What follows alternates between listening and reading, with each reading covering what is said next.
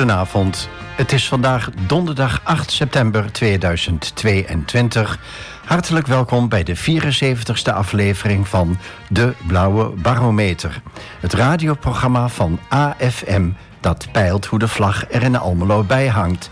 En dat doen we samen met een gast die op de een of andere manier een band heeft met Almelo, de mooie stad aan de A.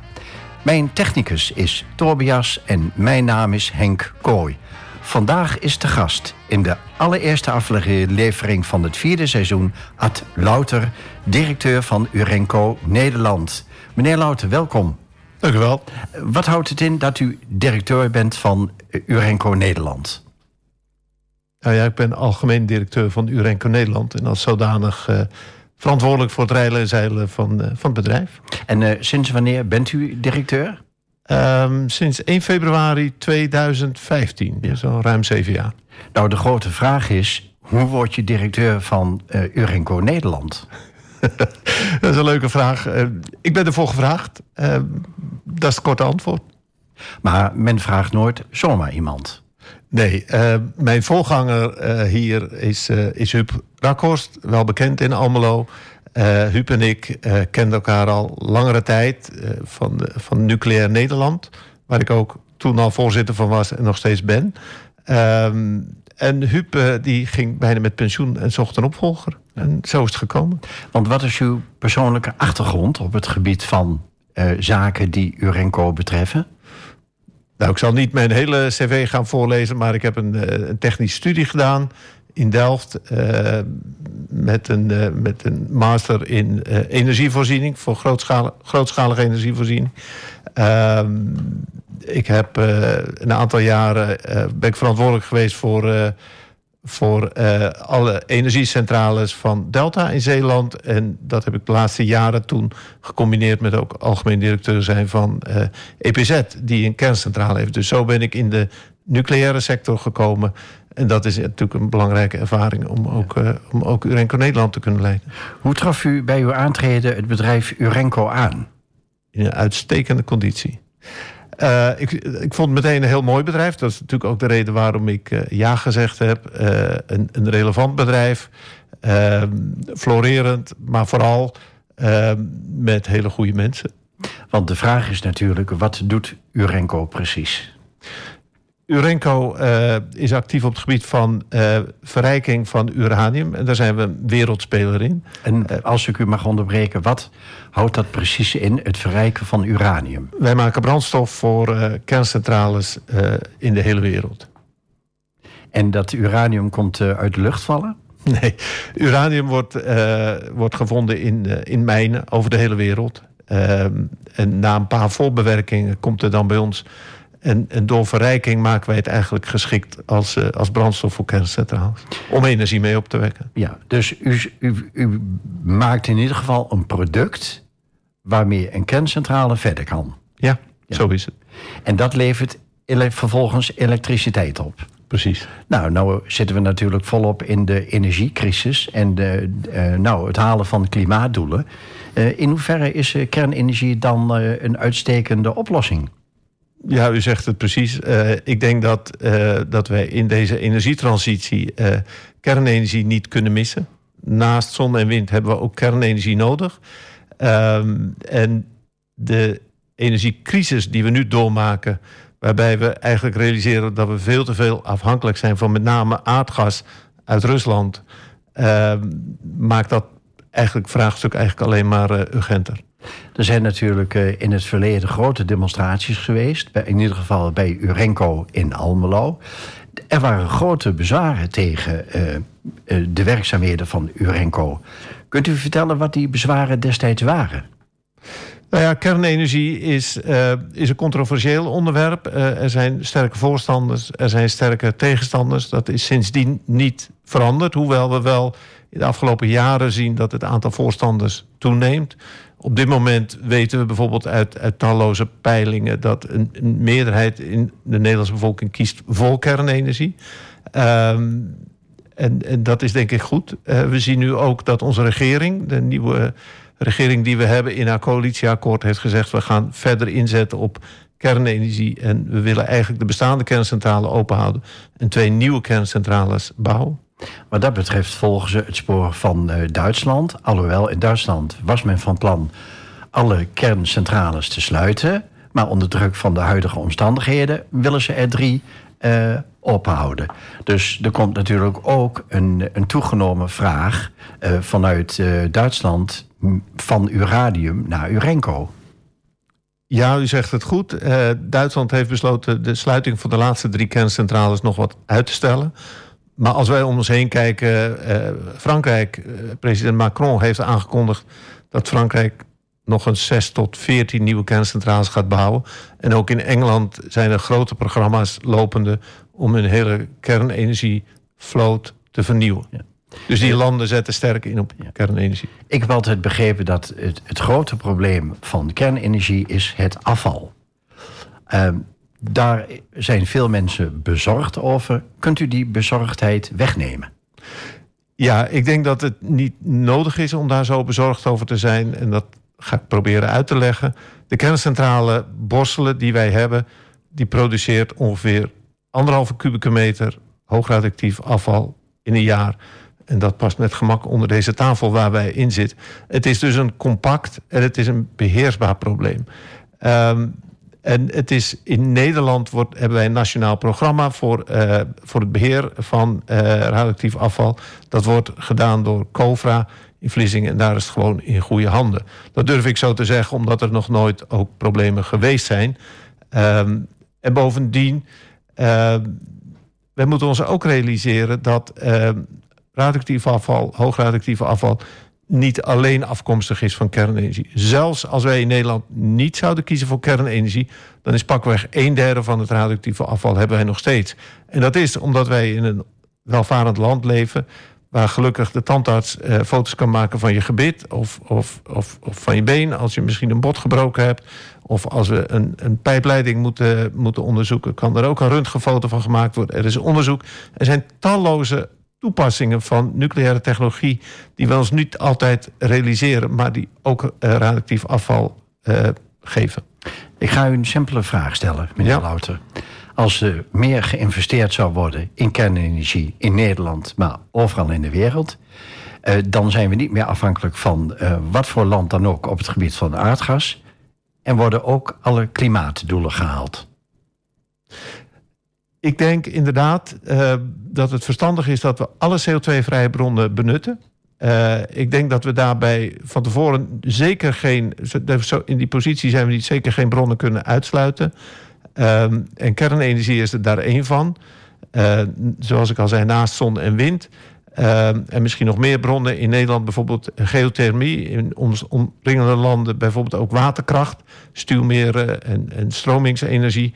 Uh, en op die manier zijn die klimaatdoelen inderdaad haalbaar. Het is onverstandig gebleken om te veel afhankelijk te zijn van één bron. Dat hebben we ook in 1974 al geleerd toen we een oliecrisis hadden. En te veel afhankelijk waren van Midden-Oosten. En dat zijn we nu weer te afhankelijk van aardgas afkomstig uit Rusland. Uh, dank u wel. Straks leg ik u uh, vier stellingen voor.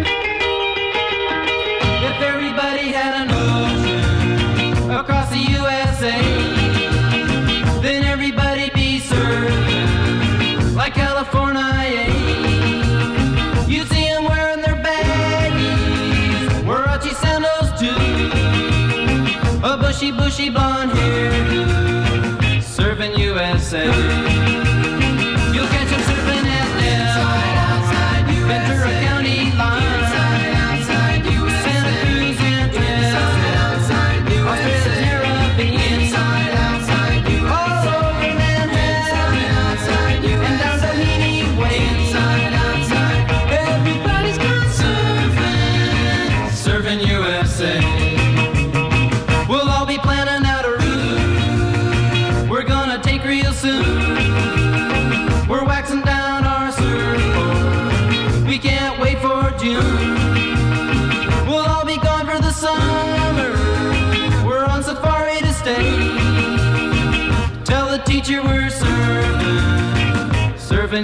USA.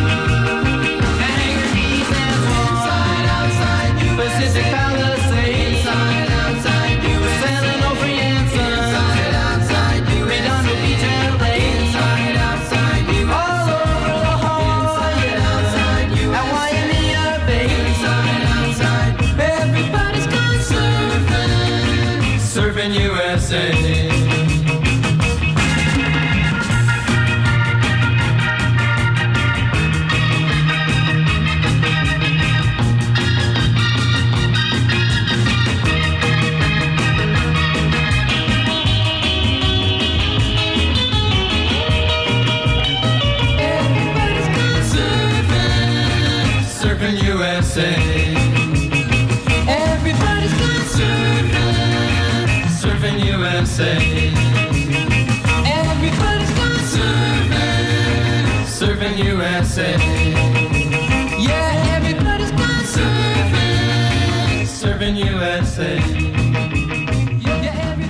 Vandaag te gast in de Blauwe Barometer is Ad Louter, directeur van Urenco Nederland. En u luisterde naar Surfen USA van The Beach Boys. We gaan naar de eerste van eh, vier stellingen, meneer Louter. Stelling 1. Veel mensen weten niet wat Urenco naast verrijkt uranium ook nog produceert. Ja, dat klopt. Daar zou ik graag wat over willen vertellen. Nou, gaat u gang. Naast eh, uraniumverrijking hebben we ook een business unit en die heet stabiele isotopen. En eigenlijk gebruiken we daar dezelfde technologie die we gebruiken voor uraniumverrijking, maar dan passen we hem toe op andere materialen, andere elementen in ons periodiek stelsel. De producten die we daar maken eh, vinden toepassing vaak in industrie, bijvoorbeeld halfgeleiderindustrie. Denk maar aan eh, smartphones en tablets. eh, in research and development, maar zijn eigenlijk het meest bekend van toepassing in de gezondheidszorg. En dan ga ik het heel concreet maken. De stabiele isotopen die wij maken worden vaak omgezet in radioisotopen die gebruikt worden voor diagnostiek van kanker ehm, en ook therapie van kanker. En heeft eh, Urenco Nederland altijd al meer geproduceerd dan alleen maar verrijkt uranium? Nou, we bestaan ruim 50 jaar hier in Almelo. Ehm, en ongeveer 25, 30 jaar daarvan zijn we bezig eh, met, met stabiele isotopen. We gaan naar stelling 2. We hebben het er al over gehad. Om de klimaatdoelstellingen te halen, moet Nederland meer kerncentrales bouwen. Zo is het. Helemaal mee eens. Punt. Ja, dat gaat gewoon niet lukken zonder, eh, zonder een regelbare bron. Ehm, en zon en wind, u weet het net als ik, die zijn er niet altijd. Hè, die fluctueren. S'nachts schijnt de zon niet. Op een dag als vandaag eh, waait de wind ook niet. Dus dan heb je een andere bron nodig. Ja. Eh, we zullen ook eh, moeten kijken naar eh, buffering van energie, van elektriciteit... in batterijen, in stuwmeren, et cetera. Maar ook dat is niet voldoende. Dus we hebben kernenergie absoluut nodig. Is er een alternatief voor kernenergie op het gebied van eh, produceren van schone energie? Nou ja, ehm, ik heb genoemd waterkracht. Veel landen, bijvoorbeeld Frankrijk, Spanje, Zwitserland, eh, gebruiken waterkracht. Maar ja, dat hebben wij in ons land niet. Wij zijn een vlak land. We hebben iets te weinig hoge bergen. Ja. Stelling 3. Het is terecht dat het verrijken van uranium in de samenleving weerstand oproept. Nee, dat is niet nodig. Eh, wij proberen open te zijn over alles wat wij doen. Ehm, en eh, ja, daar is, ieder mag zijn eigen mening daarover hebben. Maar wij, ik denk dat wat wij doen een heel zinvolle bezigheid is. Stelling 4. Thorium zal in de toekomst steeds meer als nucleaire brandstof worden gebruikt. Er is veel belangstelling voor thorium in combinatie met gesmolten zoutreactoren. Ehm, daar hebben wij ook wel hoge verwachtingen van. Ik denk dat ze naast elkaar zullen bestaan. Teruggeven naar Urenco Nederland. In hoeverre is dat een zelfstandig bedrijf? Nou, Urenco Nederland is onderdeel van de Urenco Groep. Eh, wij hebben vestigingen in vier landen. Hier vlak over de grens in Gronau, Urenco Duitsland. In Engeland hebben we eh, Urenco UK. En in de Verenigde Staten, in New Mexico, hebben we ook een vestiging. Die vier vestigingen samen vormen de Urenco Groep. En eh, ja, samen hebben wij ruim 30% van de wereldmarkt. Ja. Wie- zijn trouwens de, de aandeelhouders van Urenco Nederland? Dat is ook een aardige vraag. Ehm, eh, de aandelen zijn voor een derde deel van de Nederlandse staat, een derde deel van eh, Groot-Brittannië, het Verenigd Koninkrijk, en een derde deel zijn ze belegd in Duitsland. Ja. Ehm, even terug naar de huidige omstandigheden op het gebied van eh, personeelstekorten. In hoeverre is het in deze tijd ehm, eh, nou, makkelijk of moeilijk om aan goed en gekwalificeerd personeel te komen? Nou, we weten allemaal dat we een erg gespannen arbeidsmarkt hebben. Er zijn op dit moment meer vacatures dan werkzoekenden. Eh, tegelijkertijd zien we ook dat meer en meer jonge mensen met name, behalve kijken naar eh, hè, wat, wat levert het aan salaris op, ook naar purpose. Wat is de missie, wat is de doelstelling van het bedrijf? Wij zien met name onder jongere mensen zien we heel veel belangstelling voor die energietransitie. Het is immers ook hun toekomst. En heel veel jonge mensen zien ook dat kernenergie daar een rol in speelt. Het kost ons nog steeds, eh, het lukt ons nog steeds om, eh, om de vacatures in te vullen. Maar de jongeren melden zich wel bij u. En worden ze dan eh, bij u intern opgeleid? Of moeten ze een kant-en-klaar en afgeronde technische opleiding hebben? Dat is een hele aardige vraag die u stelt. eh, want er is in Nederland door de regering besloten dat er meer geïnvesteerd moet worden in de nucleaire kennisinfrastructuur. Dat betekent top-down dat universiteiten moeten meer eh hoogleraar krijgen, leerstoelen heet dat. Op HBO-scholen, bijvoorbeeld hier in Twente, Saxion Hogeschool, moeten meer lectoraten komen. En ook op MBO-niveau, zo- zoals bijvoorbeeld ROC Twente, zou meer aandacht kunnen besteed worden aan, aan die nucleaire technologie. En zijn we daarmee niet te laat? we hebben het de afgelopen jaren zien afbrokkelen. Eh, deze regering die kiest voor kernenergie, kiest ook voor weer het versterken van die nucleaire kennisinfrastructuur. Dat is een hele goede zaak. We gaan even terug naar de laatste uitzending van het vorige seizoen. Want toen was te gast Marleen Fulic en zij is talentencoach. En zij stelde aan u de volgende vraag. En dan zou ik vragen: Goh, ehm, weet u of weet jij wat jouw missie is en welke talenten gebruik je daarvoor? Ja, dat is niet zo moeilijk, denk ik, na alles wat ik al verteld heb. Eh, mijn missie is om een bijdrage te leveren aan een betere wereld, aan een, aan een goede energietransitie, zodat we deze aarde ook door kunnen geven aan onze kinderen, kleinkinderen. Eh, en mijn missie is om te zorgen dat kernenergie daar ook een onderdeel van uitmaakt. Ehm, goed, we komen ook nog zo dadelijk te spreken over een aantal andere aspecten van de kernenergie. Ehm, maar u mag vast een vraag stellen eh, voor de volgende uitzending, hoewel de gast daar nog niet eh, van bekend is. Nu al of mag ik er nog even over nadenken? Nou, als, als, als we het maar doen voor het einde van de, van de uitzending, wat mij betreft. Ja? Ja, nou, ik, ik, ik vond dit een hele mooie vraag. Eh, en ik zou hem iets anders willen geformuleerd ook aan, mijn, aan de volgende uw gast willen doorgeven. Eh, wat is je, uw of je passie? En hoe geef je dat in dagelijks leven eh, gestalte? Oké. Nou, straks wil ik u wat vragen over de affaire Kaan.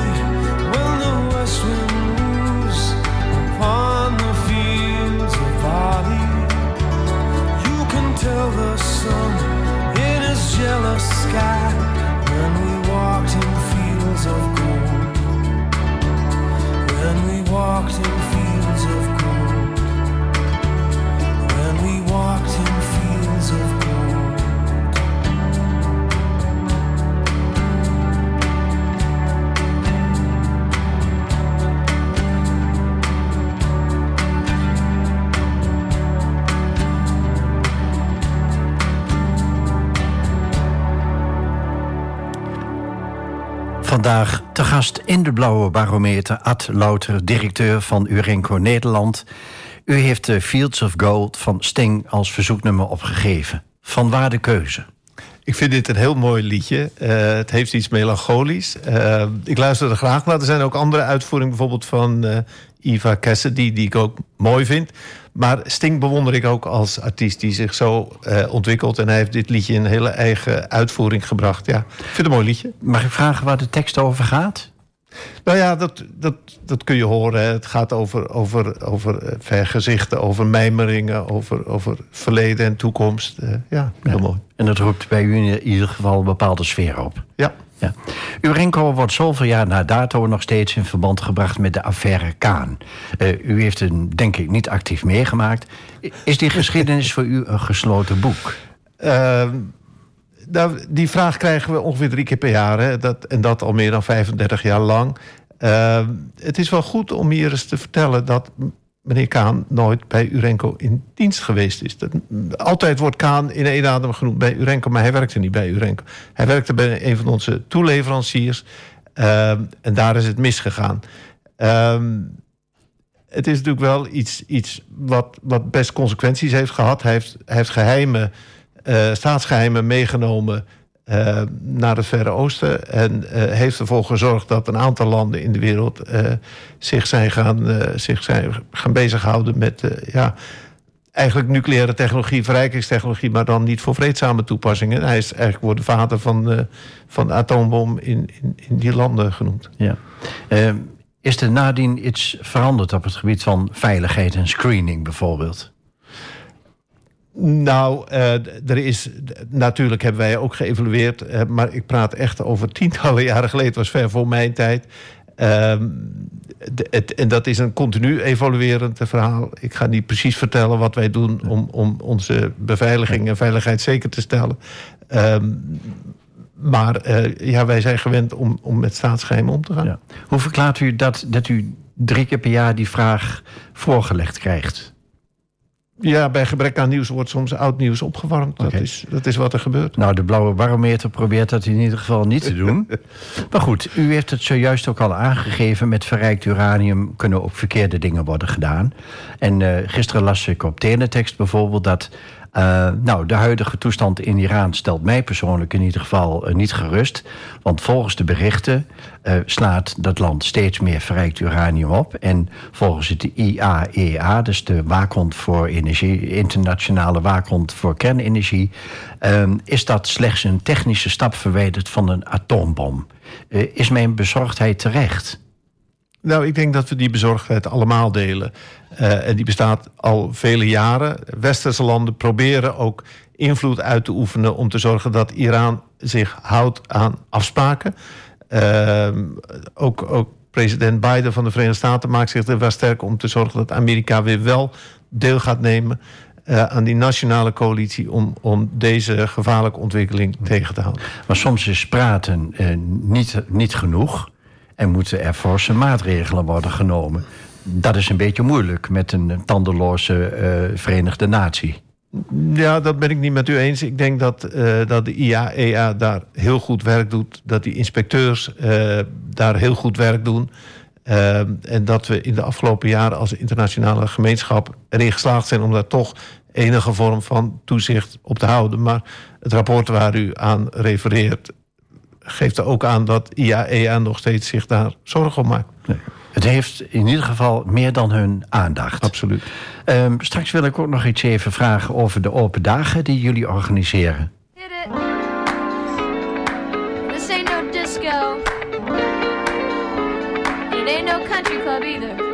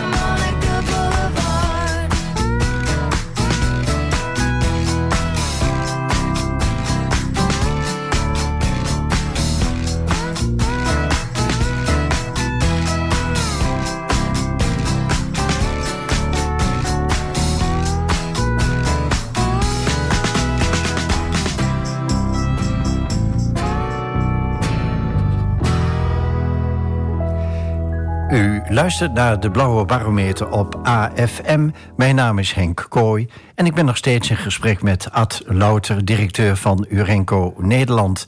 Ehm, en u heeft All I Wanna Do van Sheryl Crow opgegeven. Van waar deze keuze? Omdat ik het zo, zo leuk en vrolijk eh, liedje vind. En eh, eh, eigenlijk wat ze zegt, je moet jezelf ook niet al te serieus nemen. Uh, dus dat spreekt me heel erg aan. Pluk de dag. Uh, en de setting van dit liedje is in uh, Californië. ik heb een tijdje gewerkt voor een, voor een Amerikaans bedrijf... wat een hoofdkantoor had in Pasadena. Ja. Dus ik kwam daar wel eens. Ik ken een beetje het gevoel en de, de setting en de sfeer. Santa Monica Boulevard. Ja, ik, ik, vond, ik vind het gewoon leuk. En is dit dan een beetje uw levensmotto? Neem jezelf niet al te serieus? Ja. Oké. Okay. Nemen we onszelf te serieus? Denk het wel. By ja. the way? Ik denk het wel, ja. Oké. Okay. Je moet een beetje optimistisch zijn, een beetje gevoel houden... een beetje geloof houden in de toekomst, dat is belangrijk. En alles in de juiste verhoudingen? Ja. Um, u organiseert regelmatig uh, open dagen uh, als Urenco Nederland. Kunt u daar iets meer over vertellen? Nou ja, dat was in juni weer voor het eerst na de coronaperiode... want we hadden daarvoor twee jaar niet gedaan... Het was een enorm succes. De, de, de aantal bezoekers was, dacht, 30% hoger dan we, dan we gedacht hadden. Uh, en we hebben met name ook uh, een aantal van onze medewerkers... die hun familieleden wilden laten zien... Uh, waar werk ik nou eigenlijk? Hebben we alsnog de gelegenheid gegeven... daar hebben we nog, ook nog vier extra dagen voor gehouden... om te laten zien wie we zijn, wat we doen... misschien waar we het eerder in deze uitzending over hadden... om ook een beetje over die weerstand heen te komen... We zijn gewone mensen. We doen iets wat zinvol is voor deze wereld. En we laten het graag zien. Ja. En wat laat u dan allemaal zien aan de mensen? Nou, eigenlijk alles behalve datgene wat staatsgeheim is. Dat zit achter een, uh, achter een deurtje. Uh, een black box, uh, zo je wilt. En, maar verder zijn we heel open en laten we alles zien. Dus ja, mensen kunnen een, een tour maken door onze verrijkingsfabriek. Kunnen een tour maken door stabiele isotopen over het terrein, ja, van alles. Ja. En hoe verklaart u dan die toegenomen belangstelling van 30% waarover u sprak?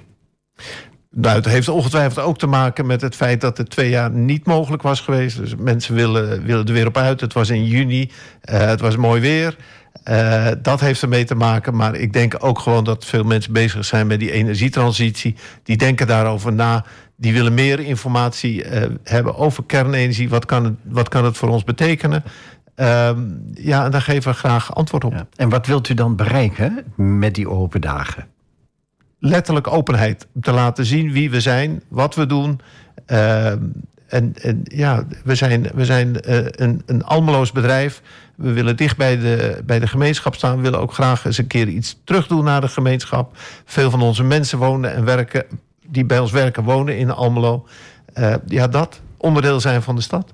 Wat krijgt u terug van de bezoekers op zo'n open dag? Nou, veel enthousiasme, complimenten voor, voor wat we doen, hoe het eruit ziet. Uh, de manier waarop we de staat van onze fabriek, hè, het ziet er gewoon piekfijn uit.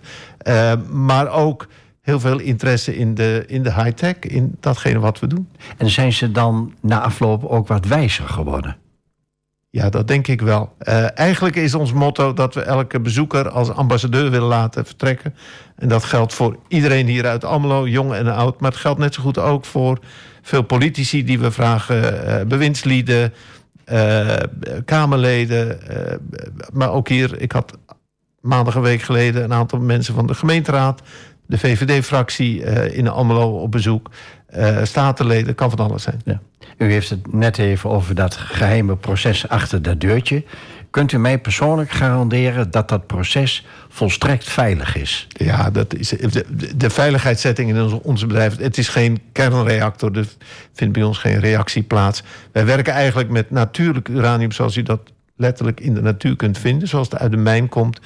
Um, en wij verrijken het, maar dat is geen chemische reactie, dat is eigenlijk een fysisch scheidingsproces. Okay. Urenco Nederland is een bedrijf dat geworteld is in, in Almelo. Ja. Um, u sponsort met gulle hand en u organiseert allerlei concerten en andere activiteiten. Waaruit komt die ruimhartige houding voort?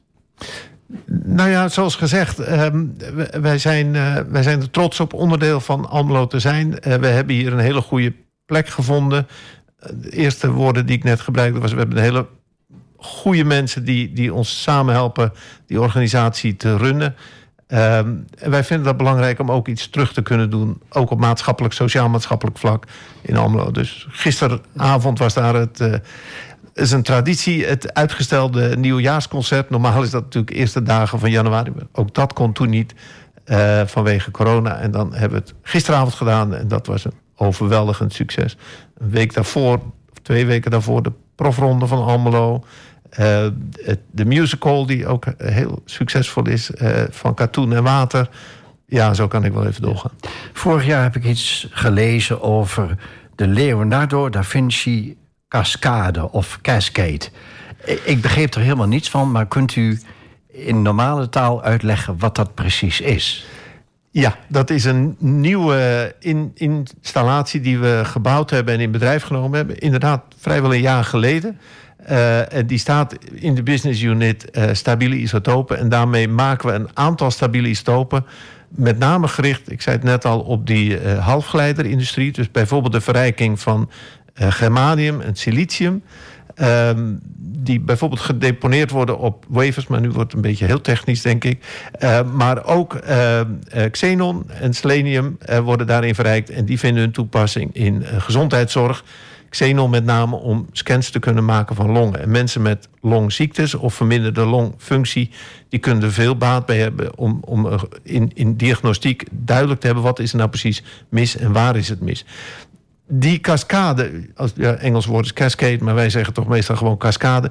omdat die multiproducten kan maken... hebben we hem vernoemd naar een multitalent Leonardo da Vinci. En was het voor u een bewuste keuze om mee te liften met de ontwikkelingen in de medische technologie, zeg maar?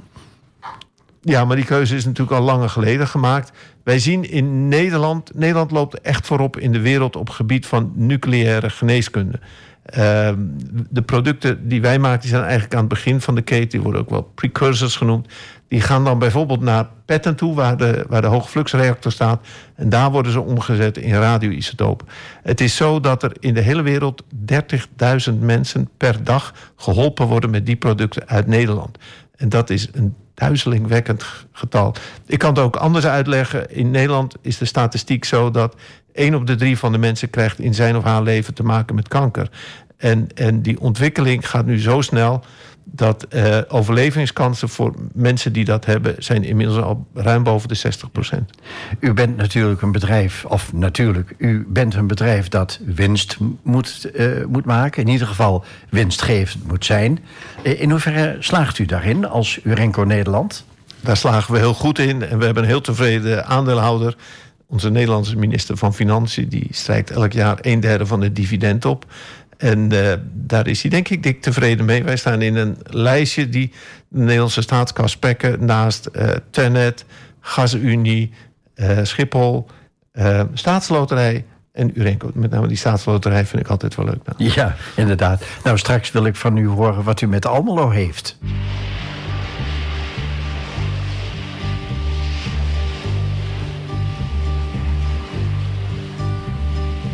Sitting in the morning sun. I'll be sitting when the evening comes. Watching the ships roll in. And then I'll watch them roll away again. Yeah. I'm sitting on the dock of the bay. Watching the tide roll. Just sitting on the dock of the bay, wasting time.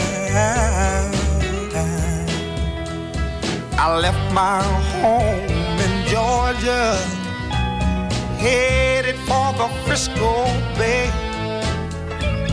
Cause I've had nothing to live for, and look like nothing's gonna come my way. So I'm just gonna sit on the dock of the bay, watching the tide roll away. Ooh, I'm sitting on the dock of the bay, wasting time. Look like nothing's gonna change. Everything still remains the same.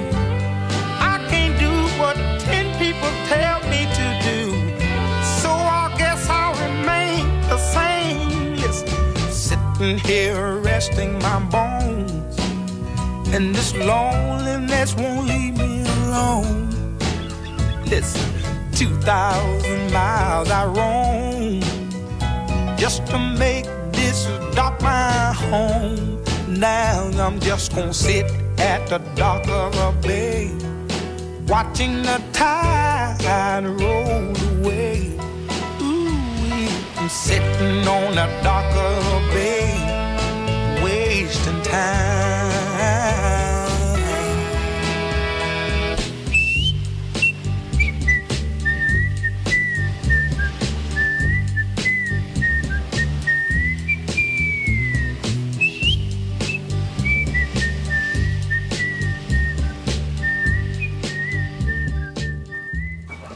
U luisterde naar Dock of the Bay van Otis Redding. Echt zo'n mooi nazomernummer.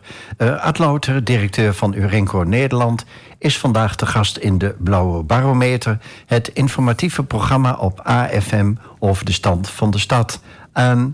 U werkt en woont in Almelo. Wat, wat heeft u met deze stad? Uh, ik vind het een leuke stad. Uh, het is niet een hele grote stad, een compacte stad, maar heeft uh, best wel heel veel te bieden. Uh, leuke mensen, ja. wat is er mis met Almelo? Prima. Wat vindt u de pluspunten van Almelo? Ehm, de innovatiekracht die deze regio kent, die deze stad kent. dat is denk ik ook waarom de founders van Urenco uh, uiteindelijk gekozen hebben om hier neer te strijken. Is, is dat de aanleiding geweest? Ja, er is best wel een geschiedenis aan vooraf gegaan. Er was een bestuur, uh, ook een burgemeester die zich ervoor ingespannen heeft. Er was natuurlijk ook wel een aanleiding omdat eind jaren 60 die textielindustrie uh, achteruit ging, heel sterk achteruit ging. Dus er moest ook een nieuwe economische impuls komen en die kwam ook. Ehm, en, en deze regio is heel geschikt voor een bedrijf als Urenco om zich te vestigen. Ja. Uh, uh, zijn er ook punten die misschien minder aanspreken in Almelo... of die volgens u voor verbetering vatbaar zijn? Ja, ik denk dat Almelo best wat trotser mag zijn op, uh, op wat men kan. En trots is iets anders dan arrogant, maar wat meer zelfbewust. wat meer naar voren komt ehm, en, en, en daar ook op zelfvertrouwen aan durft te ontlenen dat ontbreekt nog wel eens. Ik zou Almelo wensen dat we iets iconisch hadden. Iets waarvoor mensen naar Almelo toekomen. Uh, eigenlijk in de rest van Nederland is allemaal ook wel een beetje onbekend. Hè? Terwijl het heel veel te bieden heeft. Heel veel mooie bedrijven, heel veel mooie industrie. Uh, het is niet voor niks dat we ook vanuit Urenco die ontdek high-tech Almelo gestart zijn. Niet vanuit Urenco, maar met twaalf bedrijven waar Urenco er één van is. Uh, ja, die dingen. U hebt in Amerika gewoond en gewerkt. Daar is bijna alles iconisch. Nou, niet gewoond, oh, wel gewerkt. Wel gewerkt. Uh, uh, maar ja. aan welke iconische dingen denkt u dan in combinatie met Almelo? Nou ja, iets. Kijk, um, um, bijvoorbeeld Rotterdam heeft de Erasmusbrug. Dat weet iedereen. Amsterdam heeft zijn grachten. Zo hebben Den Haag heeft zijn. Al was het Madurodam of al was het het regeringscentrum van Nederland een stad moet, moet nadenken over city marketing. Over wat hebben wij nou te bieden? Waarom komen mensen naar Almelo toe? En daar mag wel wat meer aandacht aan besteed ja. worden, denk ik. Volgende week dan is uh, Ideeënmarkt uh, in het stadhuis van Almelo. Ja. Nou, wat let u om voor volgende week uh, dinsdag een mooi idee in te leveren ja. Ja. voor Almelo? Ja, weet u, het is ook zo dat het, de afgelopen jaren gaat het gewoon weer beter met Almelo. Er zijn moeilijke jaren geweest, financieel moeilijk. Zeker voor de, voor de gemeente. Uh, maar je ziet nu dat door goed bestuur uh, Almelo uit, uit dat dal geklommen is. Er kan ook weer wat meer. Uh, en dat is belangrijk dat we nu ook vooruit denken. Goed. Innovatief, vooruitstrevend en, en, met goede ideeën komen. Ik denk dat de waardering van de, van de Almelo's voor de stad zelf al gegroeid is van 6 naar 7. En het, het zelfbewustzijn is naar mijn beleving ook groeiende. Dus dat zou uh, prima passen in de dingen die u heeft gezegd. Ja, nu op naar die acht. Oké, okay.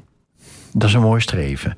Ik heb een beetje huiswerk gedaan naar u natuurlijk. En toen heb ik gevonden dat u ook nog voorzitter bent van de Raad van Toezicht van Stichting Novelty. Wilt u dat eens uitleggen? Ja, Novelty is een, is een kennis- en innovatiecentrum eh, in Twente. Eh, waar met name de Universiteit Twente sterk in deelneemt. Saxion Hogeschool, we willen daar ook heel graag eh, betrokkenheid van ROC Twente in hebben. Eh, provincie Overijssel investeert daar ook veel in. En eigenlijk bieden we jonge bedrijven kansen om op te starten. Er zijn veel start-ups, ook scale-ups, veel innovatie in Twente. En daar bieden we een platform voor.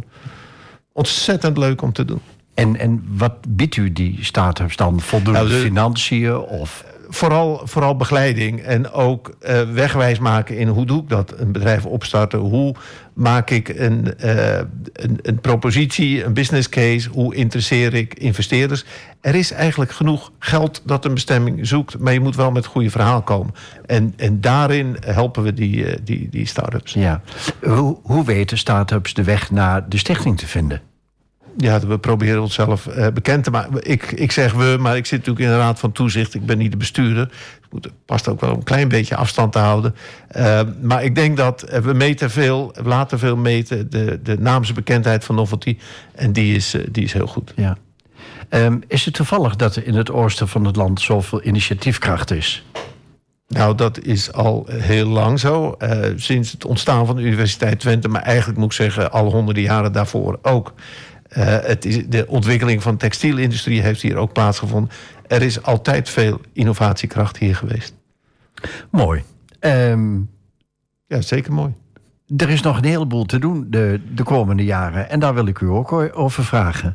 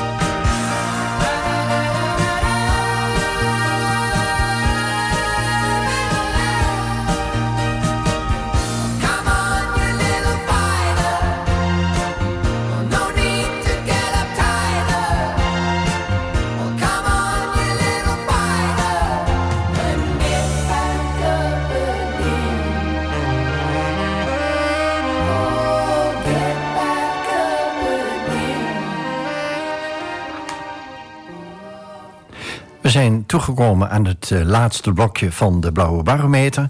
En daarin nog steeds te gast Ad Louter, directeur van Urenco Nederland. En u luisterde naar Supertramp met It's Raining Again. Eh, meneer Louter, wat wilt u de komende jaren sowieso nog een keer bereiken? Ehm, nou, als, het, als we het betrekken op Urenco Nederland, eh, daar liggen grote plannen zijn we aan het ontwikkelen om, om te blijven investeren in de groei van eh, stabiele isotopen. Maar we hebben het er nu nog niet zo over gehad. Maar in, in de hele wereldcrisis waarin we nu zitten, zien we ook de aandacht en de interesse in ons product groeien. Ehm, en en ja, daar liggen ook grote groeimogelijkheden. En om daar onderdeel van eh, te zijn, is natuurlijk bijzonder uitdagend. Hoe ziet u de huidige crisis? Ja, welke crisis bedoelt u, zou ik zeggen? We hebben er een aantal eh, waar we mee te maken Nou, zeg maar, er is één grote crisis waarvan een aantal kleintjes onderdeel van uitmaken. Dus mijn vraag is van hoe, hoe kunt u die crisis duiden, als dat überhaupt mogelijk zou zijn? Ik denk dat we toch onze ogen moeten houden op, op een hele. De grootste crisis in mijn ogen is de klimaatcrisis. Daar mo- moeten we nu tot actie komen om te zorgen dat er geen onomkeerbare gevolgen zijn. Het bekende verhaal: niet meer dan 2 graden Celsius temperatuurstijging op aarde. En daarom moeten we nu die energietransitie doormaken. Die is urgent en die is majeur. Eh, en daar komen andere crises bovenop, zoals we nu te maken hebben met, eh, met de oorlog in de Oekraïne, waardoor een energiecrisis ontstaan is, waardoor inflatie ontstaan is en, en mensen te maken hebben met koopkrachtvermindering. Eh, dus er zijn een aantal van, terecht wat u zegt, een aantal grote eh, vraagstukken, grote problemen die daar een afgeleide van zijn. Het rapport van Rome is verschenen in 1972 72, of daaromtrent. hè. We zijn inmiddels vijf decennia verder. Zijn we sindsdien iets opgeschoten, voor zover u kunt bekijken? Ja, dat zijn we wel. Ik geloof dat de bewustwording, en daar begint het toch allemaal mee, die is heel groot aanwezig. Ik geloof dat in Nederland nog maar heel weinig mensen zijn die zeggen: waar heb je het over klimaatcrisis en waarom is dat nodig? Die energietransitie. Ik zie dat ook nu in de versnelling komen. Ik vind wel dat we nog steeds veel te veel tijd verliezen met eh, praten, eh, met elkaar bestoken. Eh, terwijl we veel verstandiger aan zouden doen om alle CO2-vrije bronnen te benutten. We kunnen niet veroorloven om één of enkele uit te sluiten. Wat moet er nu gebeuren om meer slagvaardigheid te bereiken in het bereiken van die klimaatdoelstellingen?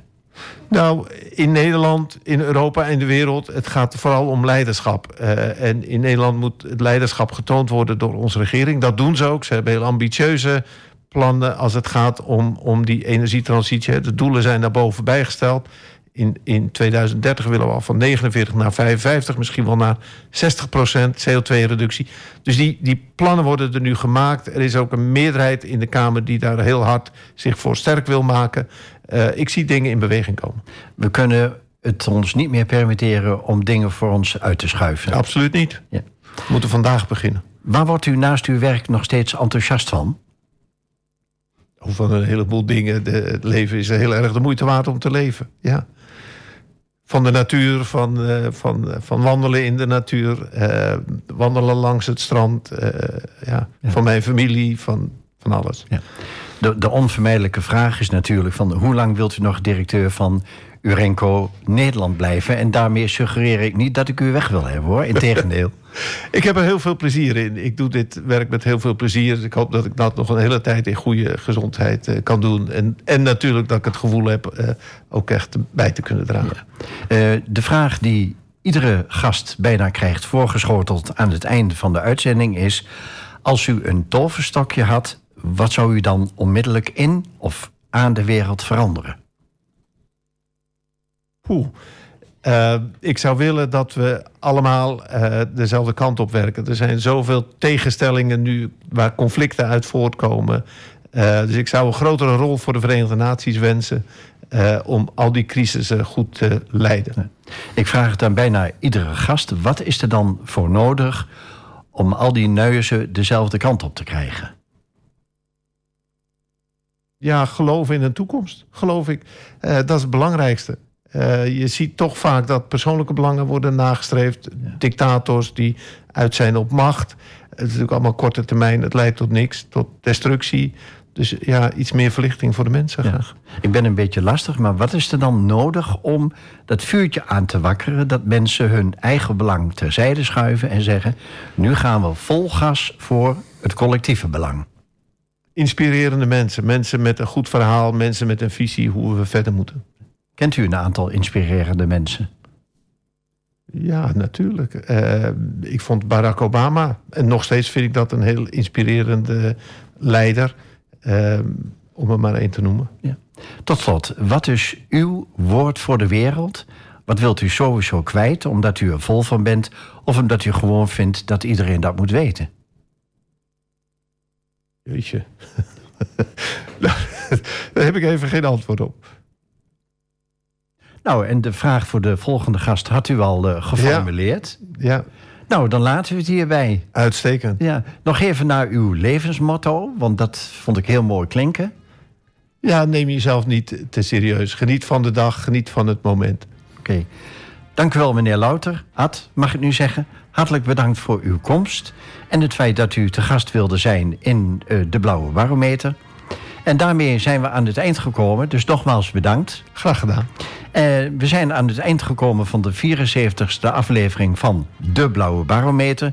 Het programma op AFM over de stand van de stad. Ik bedank Tobias voor de techniek. Een fijne avond en tot donderdag 15 september van 8 uur s avonds tot 9 uur s avonds. De gast voor de volgende week is nog niet bekend. Meteen hierna om 9 uur komt het programma Soul Time. En om 10 uur de draaideur met non-stop muziek.